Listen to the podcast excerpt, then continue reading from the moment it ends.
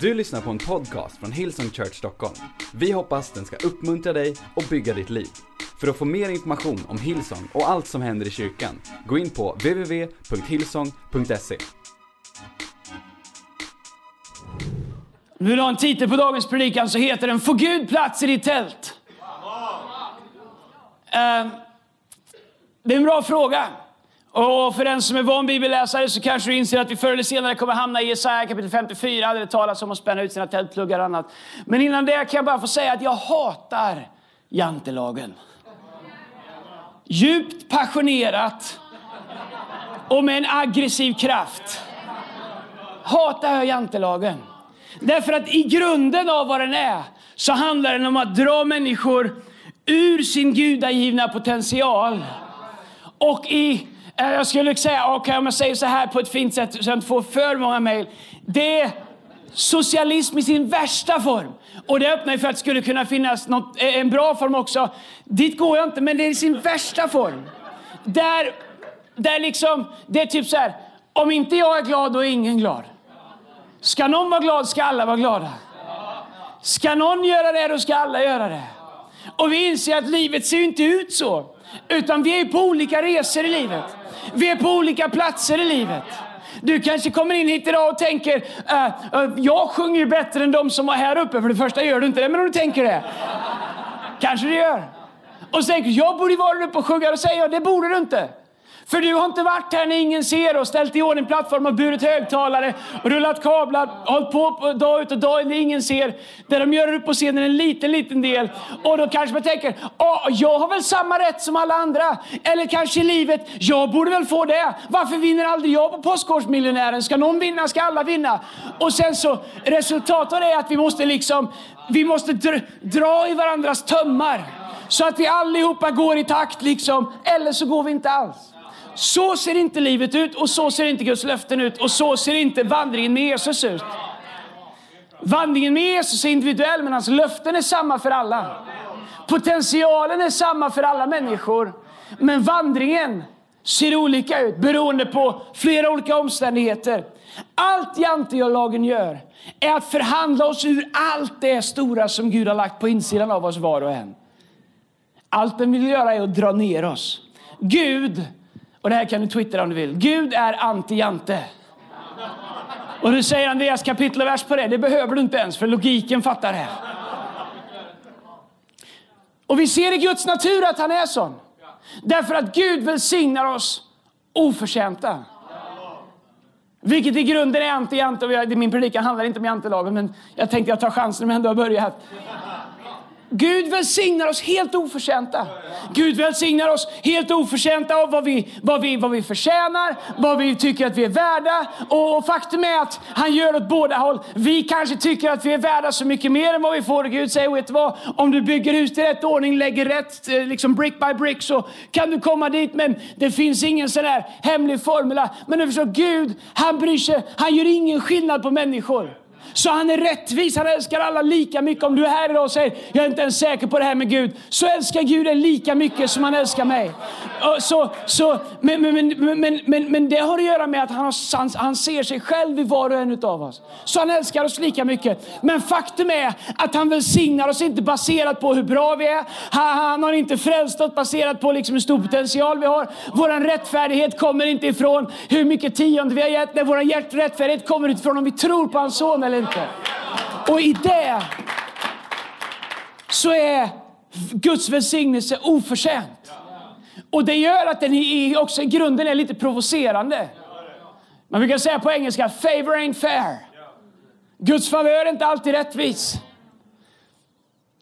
Allt Gud vill är att vi ska få mer av honom och att vi ska växa och låta våra liv växa så att mer av Gud finns i våra liv. Så att mer av Gud finns i vår vardag, i vår tillvaro. Så att Gud är mer närvarande i allt han är i vår vardag. Okej, okay, låt oss gå till Jesaja kapitel 54, vers 2. Um, ehm, dagens bibelord. Står det så här. Utvidga platsen för din boning. Låt mig bara sätta upp det här lite. Det här är Gud som talar eh, till folket och eh, han är precis på väg och liksom som vi säger i USA, bless, bless their socks off. Han är på väg att välsigna dem något så gruvligt.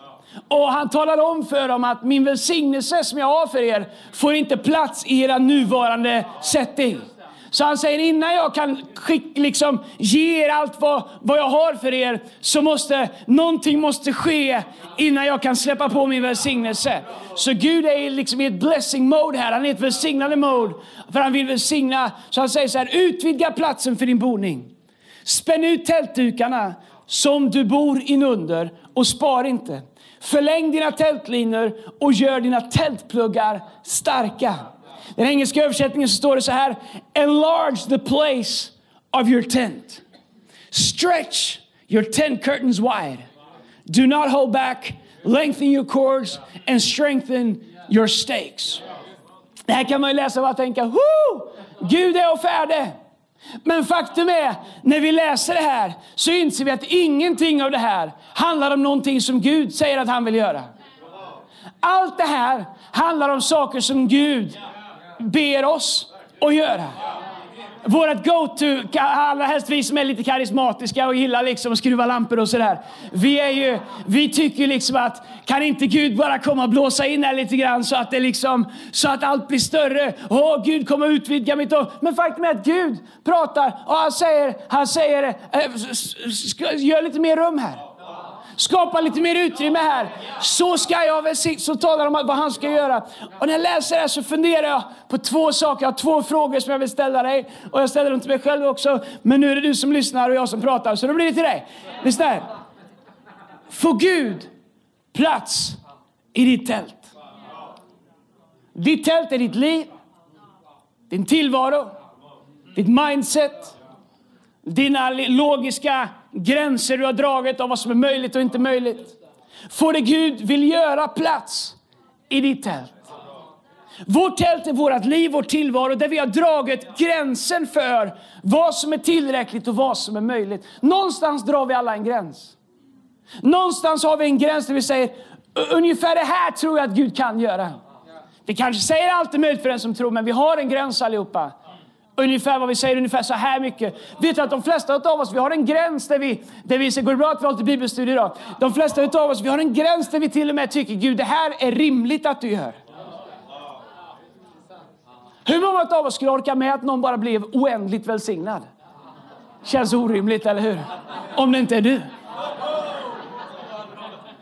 Så de flesta av oss, vi har en gräns av vad vi tycker är logiskt att Gud gör, vad vi tycker är rimligt att Gud gör, till och med vad vi kanske tycker är okej okay att Gud gör, vad vi tror att Gud skulle kunna göra.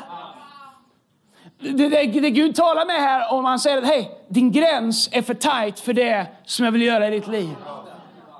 Det där bibelordet säger till oss att hej, den gräns, det du har resonerat dig fram till, är, är, är, har gjort utrymmet som du har för trångt för mig att kunna få plats. Det jag har får inte plats. Det är som att landa med liksom A380, en stor dubbeldäckarflygplan, på en liten så här gräsflygplats nere i djungeln någonstans. Kaos, det går inte. Det Gud säger är, de här gränserna som du har, som byggs av vår erfarenhet, som byggs av våra, liksom, vår, det vi har ärvt, vårt sätt att tänka. Har vi vuxit upp i en liten miljö så påverkar det. Har vi vuxit upp i en stor miljö påverkar det. Har vi haft setbacks, bakslag i livet, har vi bett och inte fått besvarade böner så påverkar det. Massa olika saker spelar in till där vi har förhandlat att här går, här går min gräns. Inom det här Gud kan du göra vad du vill. Men när det här bibelordet pratar om att Gud säger det jag vill göra får inte plats där. Så vi har ett problem. Och problemet är inte mitt, säger Herren. Nej, det säger han inte, men det säger jag att han säger.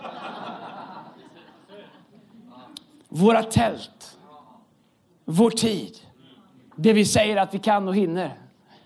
Våran tro, det vi säger att Gud kan och är mäktig till.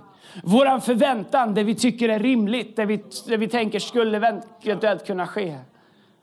Våra behov av Gud är definitivt våra tält. De flesta av oss vi tror att vi klarar oss mycket bättre än vad vi gör. Vi tror att vi behöver Gud mycket mindre än vad vi de facto behöver. Ibland så, är det, så, så lurar vi oss själva. Vi tror att det är vi som lever det här livet och Gud han bara ler och säger ja, du får väl tro det.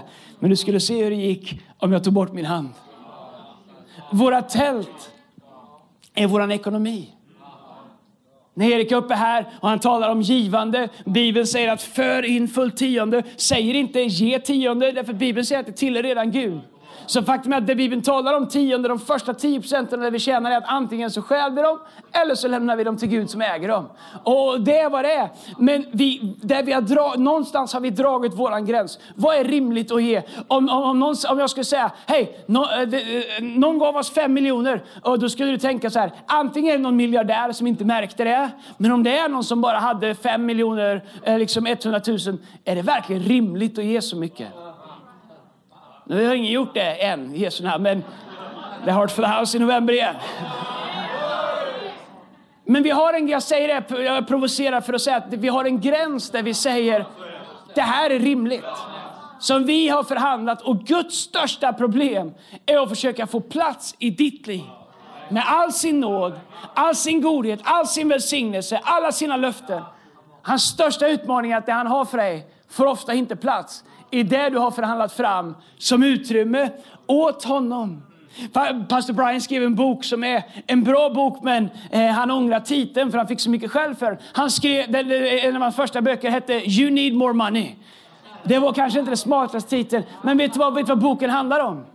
Att säga att du inte behöver mer ekonomi är att säga att du inte borde vara involverad och hjälpa fler människor. Om vi tror att vi är en kanal här på jorden för allt som Gud vill göra, utrota fattigdom, hjälpa människor, ta hand om nästa generation och säga, nej jag behöver ingen ekonomi, jag är så nöjd med Jesu kärlek och hans närvaro. Jaha, och vem ska göra resten? Nej men jag är så helig, jag behöver inga pengar. Nej, men hur hade det varit här idag om vi inte kunnat ha elen på, eller haft lampor på, eller mikrofon, eller era barn inte hade kunnat vara nere i våra fantastiska barnfaciliteter och säga, jag behöver ingenting. Det låter heligt, men det är skenheligt. Någonstans har vi dragit våran gräns över, nej men jag behöver inte mer liksom, man kan inte mer än äta sig mätt och sova i en säng. Och nu handlar det inte om dig, det är det som är grejen.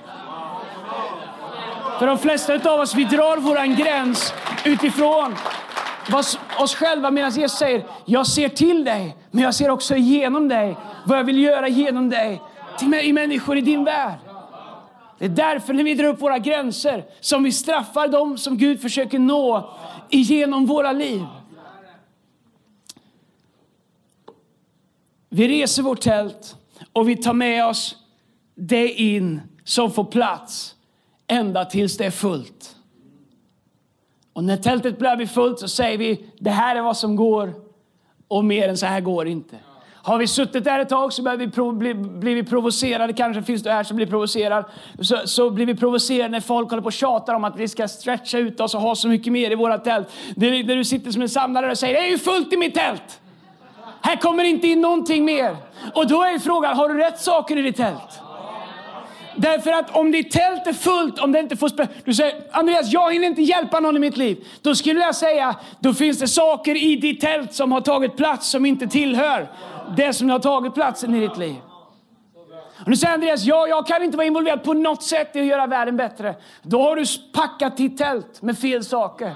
Då har du packat din tillvaro och din tid med fel saker. Det finns bara två saker som gör att vi får plats med mer när våra tält är fullt.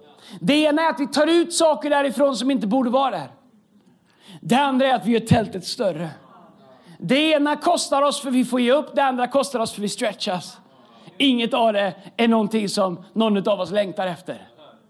Hur det än är så blir man bara större genom en viss form av uncomfort. Av att det inte är komfortabelt. I Jesaja så säger Gud att han vill ge oss mer det vi läste 54. Men att vi måste göra rum. Jag vill bara bryta ner det lite grann och sen så ska vi be och, och lite sådär. Men uh, han säger så här, utvidga platsen för ditt tält. Spänn ut tältdukarna. Äh, jag gillar den engelska översättningen. Jag läste det därför att det, det, det står i den engelska översättningen så står det uh, stretch your tent curtains wide. Do not hold back. Han säger att stretcha utvidga, spänn ut, stretcha. Bibeln säger att vi ska bli större, att du ska bli större, att du ska stretcha dig.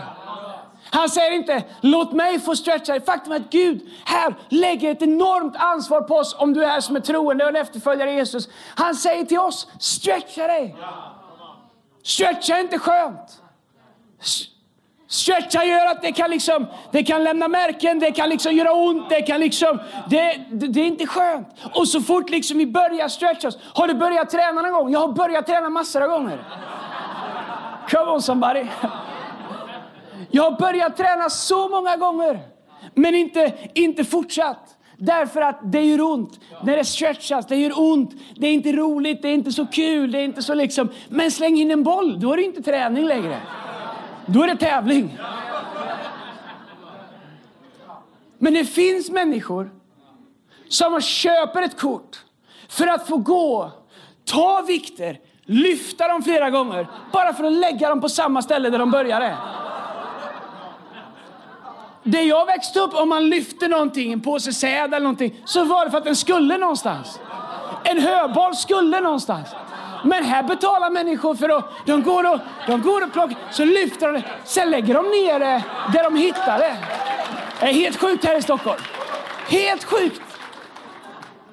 Och de får inte betalt för det. De faktiskt är att de betalar för att få göra det. Så säger de att stockholmare inte är dumma.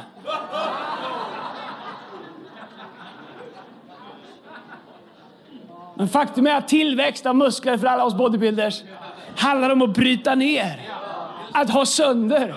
Så att när det läker blir större.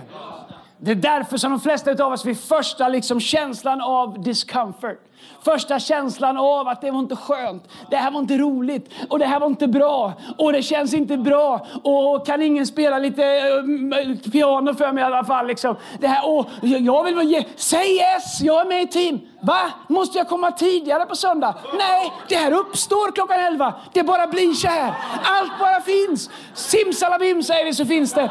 Du vet så här, att göra, att ha någonting som man aldrig haft kräver att vi gör något som vi aldrig gjort. Och det kommer förr eller senare stretcha dig. Jag skulle vilja ha, jag skulle vilja göra något nytt i mitt jobb. Kanon! Kom lite tidigare varje morgon. Gå lite senare. Delta inte i skitsnacket. Inse att det, är någon har startat det företag du jobbar på och ligger uppe på nätterna och funderar på hur det ska gå vidare. Medan om man är anställd, man kanske bara går dit, kommer lite sent, går lite tidigt, tar lite längre rast. Vet du vad? Om du hedrar det Gud har ställt dig och är beredd att stretcha dig lite mer än vad du får betalt för, så lovar jag dig att när det är dags för promotion så kommer man titta efter vem är lojal, vem är trofast, vem är en ägare, vem bryr sig? Och jag lovar dig, om du är beredd att bara göra lite mer än vad andra gör, så kan Gud ge dig öppningar och saker i ditt liv som ingen annan får. Vadå, ska jag komma tidigare? Det får jag inte betalt för. Inte nu, men sen. Vi tror att payoff bara är det som finns nu. Stretch handlar om att göra någonting nu för någonting som kommer sen. Så därför säger Bibeln, stretcha er, spänn ut. Och här är grejen. Ingen gillar stretch. Gud kommer inte att göra det. Gud kommer bara fylla det du ger rum för i ditt liv. Så hur utvidgar man sitt tält? Hur gör man rum för det som Gud vill ge oss? Och här är en sak som jag verkligen skulle vilja att alla förstod här inne. Kraften är inte hur mycket du tror, utan vad du tror. Du kan säga Andreas, jag har inte en stark tro. Well, det kan vi fixa. Den kan växa i och för sig. Men det viktigaste är inte liksom hur mycket du tror, utan det viktigaste är vad du tror. En del människor de tror jättemycket, men det är inte bibliskt, så det hjälper inte i alla fall. Du kan psyka upp dig själv och gå alla möjliga kurser och lära dig säga saker i spegeln. Kan flyga är inte rädd och alla möjliga saker. Men, men, men det, om, det, om du tror fel så hjälper ingenting. Vad du tror är viktigare än hur mycket du tror. För om du tror rätt så kommer du börja göra rätt. Och om du gör rätt så kommer du börja bära rätt sorts frukt i ditt liv. Jesus han, han gör en liknelse av det. Han säger om du bara har tro som ett senapskorn. Minsta senapskornet också är han liksom i ett område när han säger det här på slätten där uppe i Galileen där, där de, det är senapsfält överallt. Så det är inte så liksom att mm, han tänker biologiskt utan det är logiskt. Det är senapsfrö överallt där. Och han tar upp ett frö han säger om du bara har tro som det här lilla senapsfröet så kan du flytta berg. Så han säger att det är inte storleken på din tro, men han säger i en kontext när han har berättat för människor vad de ska tro och vad som är sant, vad som är rätt och på vilket sätt de ska tro. Så vi måste tro på det Gud har sagt, inte vad vi vill att han ska ha sagt. Johannes 7, vers 38. Kolla här, väldigt intressant. Jag hittade det här när jag studerade inför det här. Så står det så här, välkänt bibelställe om du har läst Bibeln några gånger. Den som tror på mig, ur hans inre ska flyta strömmar av levande vatten som skriften säger. Fantastiskt bibelställe, eller hur? Men vet du, det finns, det finns, det finns en 50-50 av hur sammansättningen av den här på svenska ska vara. Är grammatiskt är, är, är båda rätt, jag ska läsa för er nu. Båda är vedertagna, och, och, men får två helt olika innebörder. Jag vet inte om vi har nästa också, där det står Den som tror på mig, som skriften säger. Ur hans inre ska flytta strömmar av levande vatten. Går det att få upp båda dem samtidigt? Jag vet att jag sätter det på prov. Jag vet att ni är awesome. Ni, vi har en hel flygledartorn där längst bak med datorer som ingen visste om de fanns. Det här har vi den eh, andra versionen. Kan vi få upp den första versionen samtidigt? Kan någon säga ja eller nej om det kommer gå? Tveksamt? Jag tror att det går. Jag är helt övertygad. Får vi se om jag tror rätt. Jag är övertygad om att de kommer fixa det. Om det är några som kan fixa det så är det mediateamet här i norra. Oj, oj, oj vad de kan. Jag tycker vi ger dem en applåd. Sätter lite positiv press på dem. Här kommer det. Jajamensan. Rickard Videll, känn flåset. Vi kan ju åtminstone stanna min klocka medan ni håller på. Oj, oj, oj! Södra, är ni med? Come on, någon väck Tigger där nere om han sitter och sover. Här står det, jag kommer ut i ljuset. Den som tror på mig, ur hans inre ska flytta strömmar av levande vatten, som skriften säger. Okej? Okay? Annorlunda ihopsatt grammatiskt, båda vedertaget av, av, av bibelforskare. Den som tror på mig, som skriften säger. Ur hans inre ska flytta strömmar av levande vatten. Vilket innebär att det inte bara är den som tror på mig, utan den som tror på mig som skriften säger att jag är. Alltså det är inte hur mycket du tror, utan det är att du tror rätt. Vi kan inte ta Guds ord och säga, jag tar lite det, a little bit of Monica in my life, och så tar jag lite av det här, sen tar jag det, det där gillar jag inte, utan jag säger, den som tror på mig, så som skriften säger.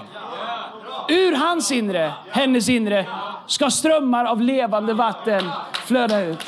Så om vi vill ha strömmar av levande vatten flöda ut i våra liv, så måste vi tro som skriften säger. Och när vi börjar tro som skriften säger, så ligger bördan på att leverera på skriften, inte på dig.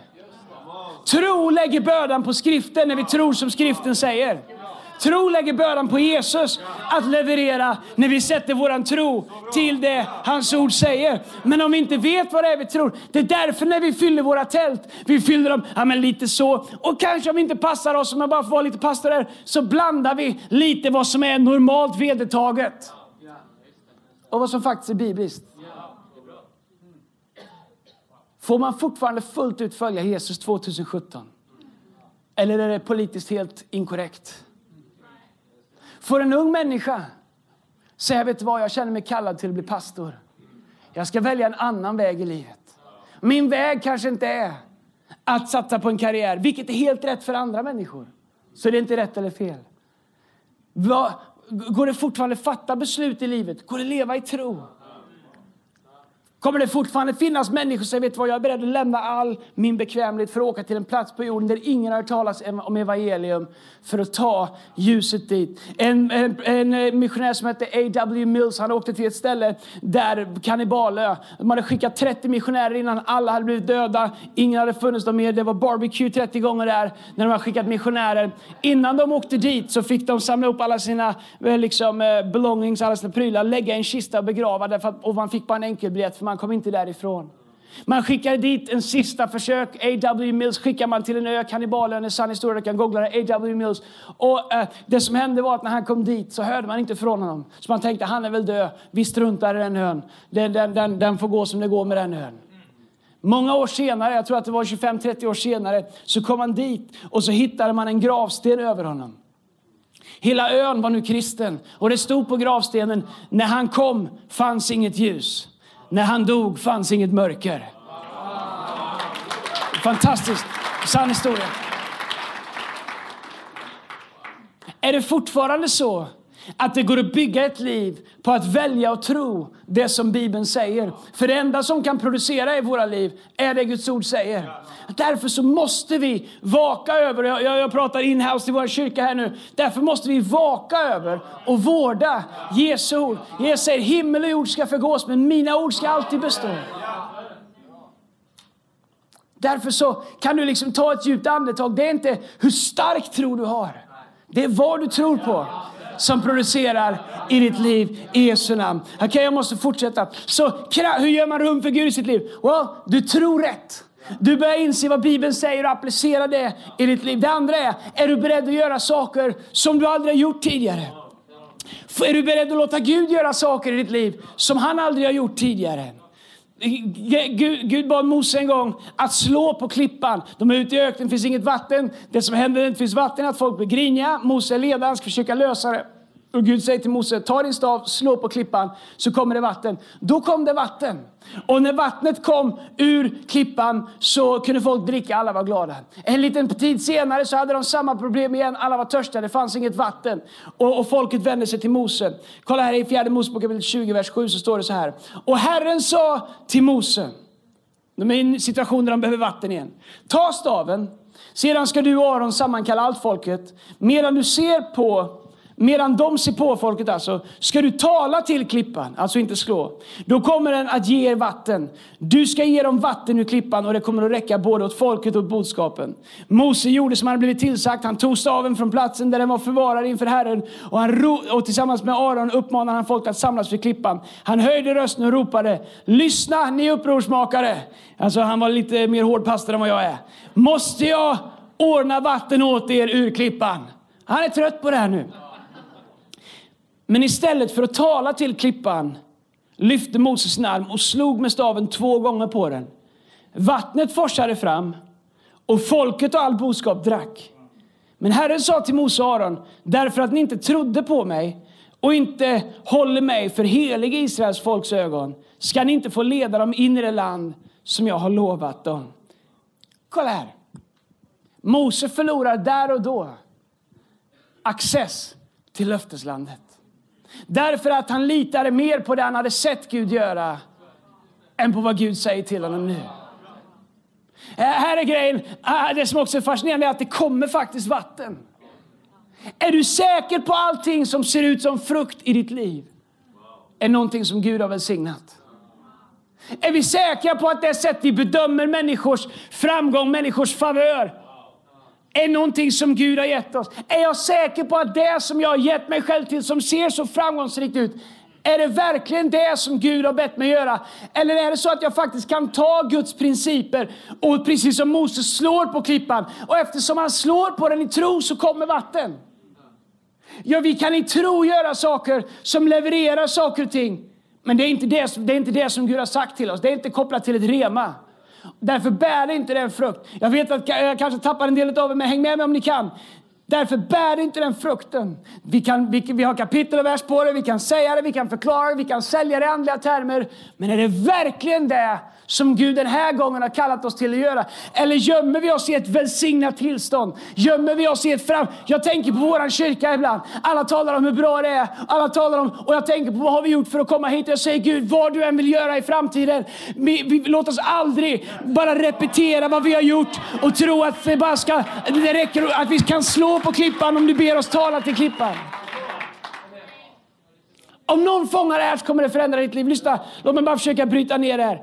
Gud är inte imponerad över mirakler eller vårat mod. Han bryr sig bara om tro och lydnad. Det är inte så att vi gör ett mirakel eller vi liksom sätter en miracle i och, och Gud, oh, my God! Du borde vara en del av treenigheten.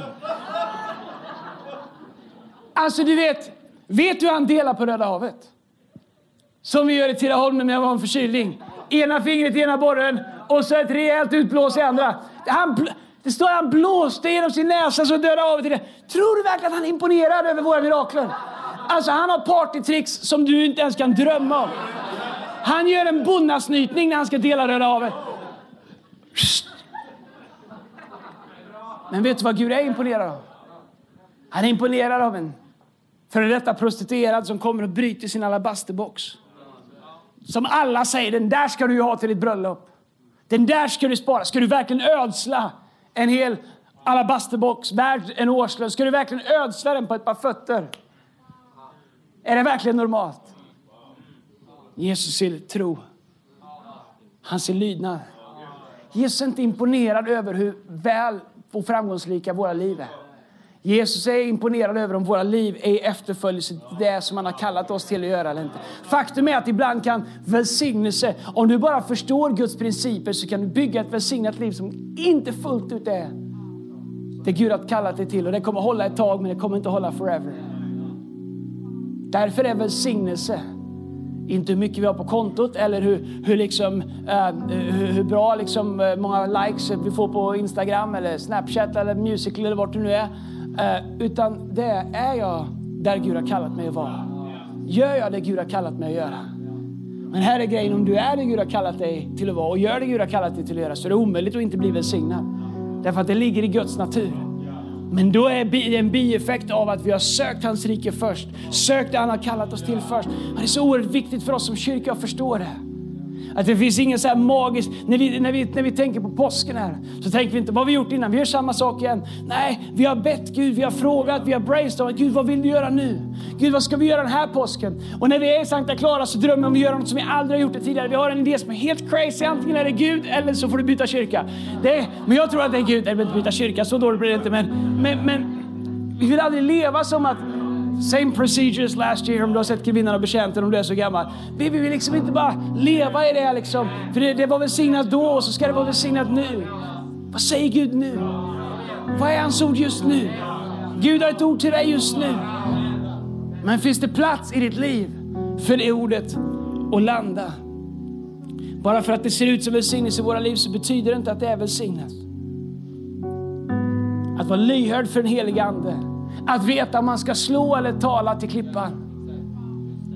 Att förstå vad Gud vill att vi ska göra nu. Han säger att lydnad är bättre än offer. To obey is better than sacrifice. I slutet av bibelordet som vi läste i Jesaja 54 så, så säger han, gör dina tältpluggar fasta, starka, säger han. Ah, I, i engelska översättningen säger han, strengthen your stake. Tältpluggar. Alla människor som har tältat har väl någon gång ryckt upp tältpluggarna för någon annan? Eller är det bara jag? Okej, okay, ja. Låter tältet falla ihop. Det är hela idén med att tälta ihop med andra. Tältpluggas, nah, kanske har du satt en tältplugg någon gång i något som bara var lite sand och sen så föll tältet ihop. Gud säg till oss, stärk era tältpluggar. Det sätt som du har förankrat ditt liv, håller det för det liv som Gud har kallat dig till att leva? Det är inte hur fint tältet är som avgör om det kommer stå. Det är hur bra tältpluggarna sitter som kommer avgöra om det vi gör kommer bestå eller inte. Därför säger den så här, gör dina tältpluggar starka. En fråga som är värd att ställa sig själv är, vad krävs för att dina tältpinnar ska ryckas upp? Vad skulle krävas? Jag funderar på det ibland i mitt eget liv. Vad skulle krävas för att liksom, jag skulle säga, nej nu räcker det. Nu vill jag inte mer. Vad krävs för dig? Kanske att någon trampar dig på dina tårna. På, på dina tårna. Kanske att någon trampar dig på... Eh, hängde ni med på det Södra? Kanske att någon trampar dig på dina tårna. I love you. Jag kommer till er snart Södra. Bara om någon söndag. Ser fram emot predika i Södra. Men vad, vad, vad, krävs för att du ska dra upp dina tältpluggar och säga här, här var inte kul att vara längre? Att någon annan fick din roll. Att någon annan blir välsignad när du hade bett om välsignelse. Att någon, du ber om helande men någon annan blir helad. Vad krävs för att du skulle dra upp dina tältpluggar istället för att, som Bibeln säger, driva ner dem så att de sitter ännu fastare? Vad krävs för att dina tältpluggar skulle komma upp? Det är en av de viktigaste frågorna som vi kan ställa oss själva. Därför Bibeln säger att djävulen har svurit att stjäla allting ifrån oss. Att försöka ta, han är, vi kan leva och gissa sig och säga, nej men Gud är god och det här med ondska det vill vi inte låtsas om. Well, låtsas inte om det du. Men förr eller senare så kommer du inse att den här världen är inte bara god. Om du inte tror det, så titta på nyheterna. Och Bibeln säger att det finns en kamp om våra liv, om våra tillvaro, om våra familjer, om våra barn, om vår framtid, om våra äktenskap, om våra ekonomier, om våra drömmar, om våra kallelser, om vår evighet. Och tältpluggarna som man pratar om, det är det som håller oss fast i det som Gud har lovat. Där han säger, har jag inte sagt att ni ska få se Guds rike om ni inte ger upp? Har du drivit ner dina tältpluggar så att de sitter? Kolla här psalm 92, vers 13 till 15. De rättfärdiga grönskar som palmer. De växer som sedrar på Libanon. Planterade i Herrens hus. Grönskade på vår Guds förgårdar. Även i hög ålder bär de frukt. De frodas och de grönskar. Underbart är att se människor som har levt ett, eh, eh, liksom levt ett tag. Vars liv blomstrar och grönskar. Så många fantastiska människor i våra kyrka som, som man kan titta på som, vi är nu vid hög ålder, alltså inte så hög ålder, men, men som liksom är mer än snittet. Så många. Med, finns det Micke Hillenfjärd, PL Håkan. Jag ser så dåligt här. Här har vi Åbergs och Strands och alla möjliga. Så nu räknar jag bara de yngre, men, men vi har även äldre. Ronny ser jag där borta också. Fantastisk. Över 30 och älskar fortfarande Jesus. Vad krävs för att fortsätta att leva ett liv? Där våra tältpluggar inte lyfts upp. Så många människor de, de blir trampade en gång på tårna. Här vill jag inte vara. Rycker upp sina tältpluggar, går och sätter ner någon annanstans. Det blir aldrig större, det blir aldrig starkare, det blir aldrig bättre. Men det har också att göra med vart du stoppar ner dina tältpluggar. Därför säger det så här, de är planterade var de vill. Nej, då står de är planterade i Herrens hus. I kyrkan, i den lokala församlingen. Det är där som Gud bekänner sitt löfte till. Så det är när vi tar våra tältpluggar och faktiskt låter dem gå ner. I, inte liksom i en internetrörelse, inte i en liksom kommentators liksom flow på, på, på, på en blogg, utan i en lokal församling och säger, vet du vad, nu är det här mitt andliga hem. Det är inte perfekt, det är inte färdigt, men det är mitt hem och jag ska låta mina pluggar gå ner här i. Jag måste avrunda här. Har du planterat dig så att Gud kan välsigna dig? Har du det? Du vill inte svara på frågan, men det är en fråga värd att ställa dig. Har du planterat dig så att Gud kan göra det han har lovat att han vill göra? Han är redo. Är du redo? Du kan aldrig få till dig det Gud vill göra i kyrkan om du inte låter dina rötter gå ner, för näringen kommer ifrån myllan. Därför pratar de om att plantera i god jord. Hur gör man det? Och jag skulle vilja säga att det handlar om att ta ansvar för sitt liv. Ta ansvar för sin situation. Ja, jag vet att jag inte predikar någon söndagskvälls liksom Holy Ghost power fire mm, mm, mm, här utan att jag försöker ge lite verktyg för ditt liv. Men det handlar om att ta ansvar för sitt liv.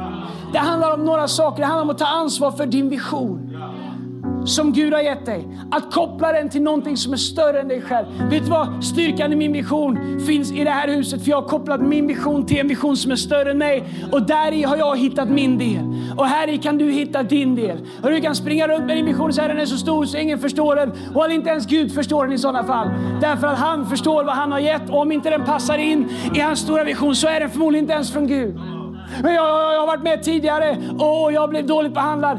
Jag är hemskt ledsen. Puckon finns överallt. Tyvärr även här. Men vi ska göra vårt bästa. Men det betyder inte att Gud har ändrat på sin princip om att den som är planterad i Guds hus kommer att grönska, kommer att blomstra. Ta ansvar för din vision, ta ansvar för din överlåtelse. Du måste välja att överlåta dig till vad Guds ord har sagt och till den lokala gemenskapen, till myllan där du kan dra upp näringen så du kan spänna ut ditt tält. Ta ansvar över dina rutiner i livet. Rutiner som att be. Rutiner som att ge. Rutiner som att bära. Rutiner som att bygga. I praktiken kan de se olika ut i olika faser i livet. Det finns ingen mall alla måste passa in i vår kyrka. Men allihopa i vår kyrka som är planterade är involverade i att be. Är involverade i att ge. Är involverade i att bära den här visionen och den här kallelsen som vi har. Och är involverade av att bygga den. På ett eller annat sätt, du kanske inte ens hinner vara med i teamet men du kan fortfarande vara en bärare av det här. Du kan fortfarande vara en byggare av det här. Varje gång jag ger till någonting så blir jag en ägare utav det. Varje gång jag ger så, blir jag, så, så drar jag ner mina pålar djupare i marken, mina tältpluggar starkare i marken. Så många av oss, vi bor kvar i för små tält som borde stretchas och blivit större. Och så undrar vi varför vi inte får ihop livet. Det är som att vi har någonting i vårt liv som liksom, det är som att, jag måste sluta men ge mig två minuter till. Det är som att vårt liv, vi tycker Andreas jag får inte ihop mitt liv. Och det naturliga är att vi vill liksom bara skala bort saker i vårt liv. Men tänk om det är så att det bara är ditt tält som behöver bli större. Andreas, jag kan inte vara med i team. Andreas, jag kan inte bli en tiongivare. Andreas, jag kan inte göra det. Jag får inte ihop det som det är. Och det är inte säkert att det är som är, är för mycket, utan att ditt tält kanske är för lite. Kanske är lösningen för att kunna leva i nästa fas i ditt liv att spänna ut ditt tält. Att skapa mer marginaler. Att liksom låta ditt liv bli större. Att låta dig stretchas. Att gå till någon och säga, vet du vad? Hjälp mig att stretchas. Hjälp mig att låta mitt liv växa. Vet du vad? Kan jag få säga någonting till alla föräldrar? Jag vet att det här är en helig ko. Man får inte säga någonting till andra föräldrar. Men nu gör det. Om du tycker att du inte får ihop din tillvaro. Gå till någon, en annan, andra föräldrar där du tycker, vad är det ni gör? Det är ingen prestigeförlust. Det är det kyrkan är till för. Det är det vi är här för. Om du ser någon i kyrkan som gör någonting som, som du försöker få till, gå och säg hej, berätta för mig. Hur har du gjort? Hur stretchade du det? Vad gjorde du för att komma till? När dina barn sprang bort ifrån Gud, vad gjorde du då? För jag ser att de har kommit tillbaks. När dina barn inte vill följa med till kyrkan, när vi inte får ihop livet, när vi väljer att prioritera bort kyrkan och för att vi inte får ihop saker och ting. Hur gör ni för att få ihop det? Prata med människor, låt ditt liv växa. Börja inte backa och krympa ihop för att få ihop livet. Låt livet få bli större istället. Så att Gud kan ge dig mer. Så att människor får plats. Vi försöker leva stora liv i små tält. Så ofta. Gör inte livet mindre. Gör tältet större och tältpluggarna fastare. Vi måste inse, jag skrev det här, min favoritline på hela predikan.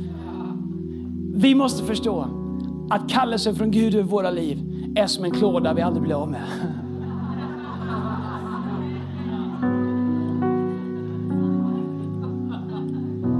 Visst känns det attraktivt?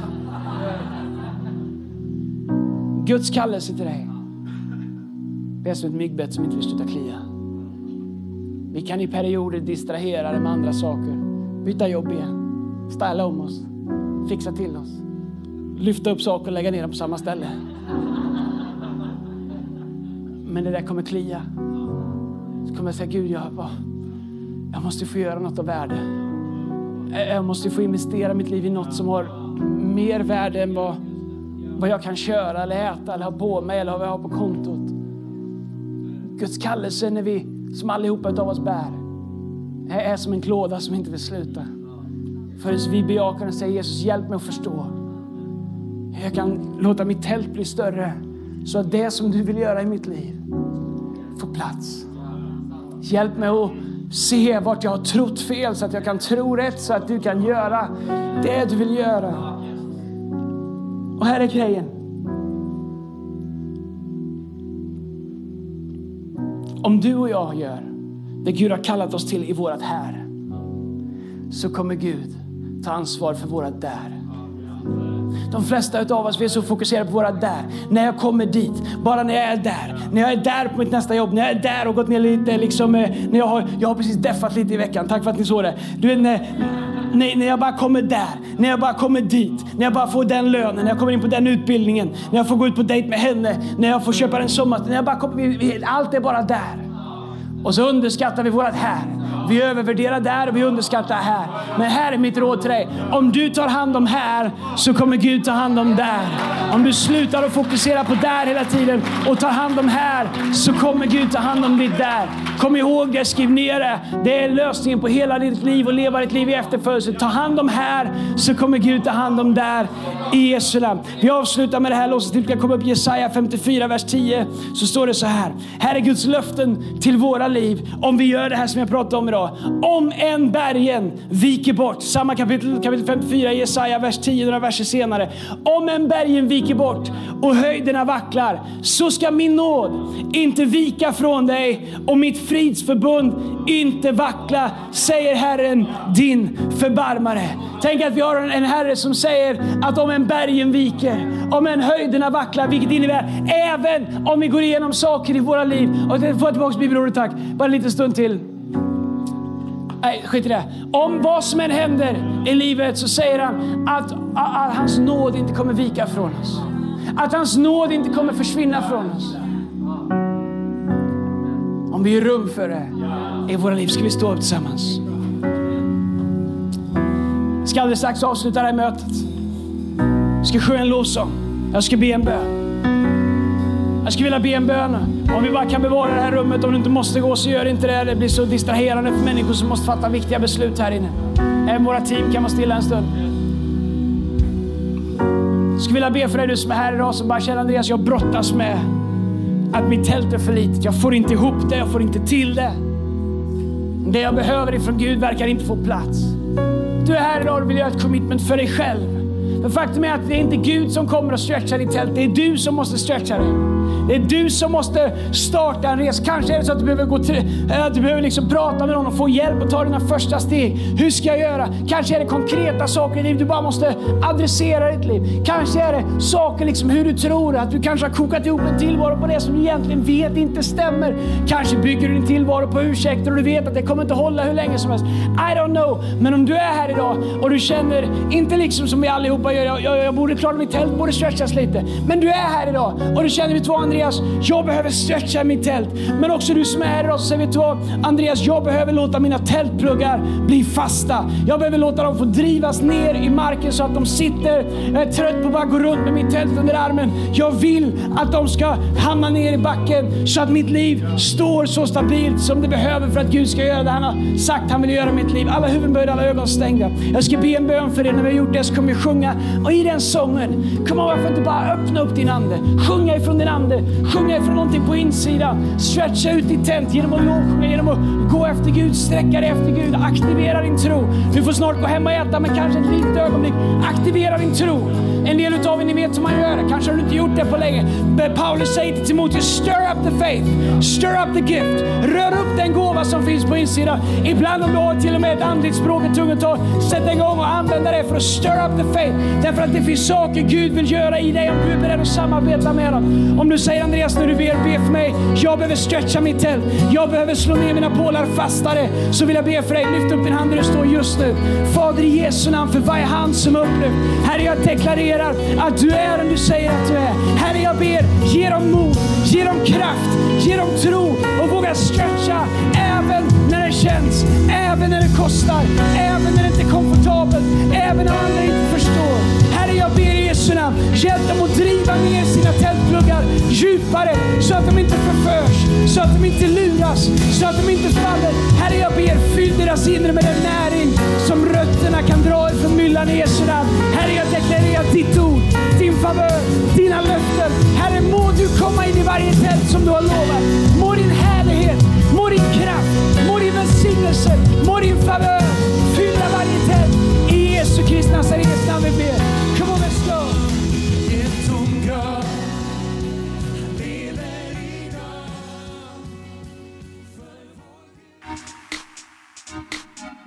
Du har lyssnat till en podcast från Hillsong Church Stockholm. Om du vill veta mer om vår kyrka eller om våra söndagsmöten, surfa in på www.hillsong.se.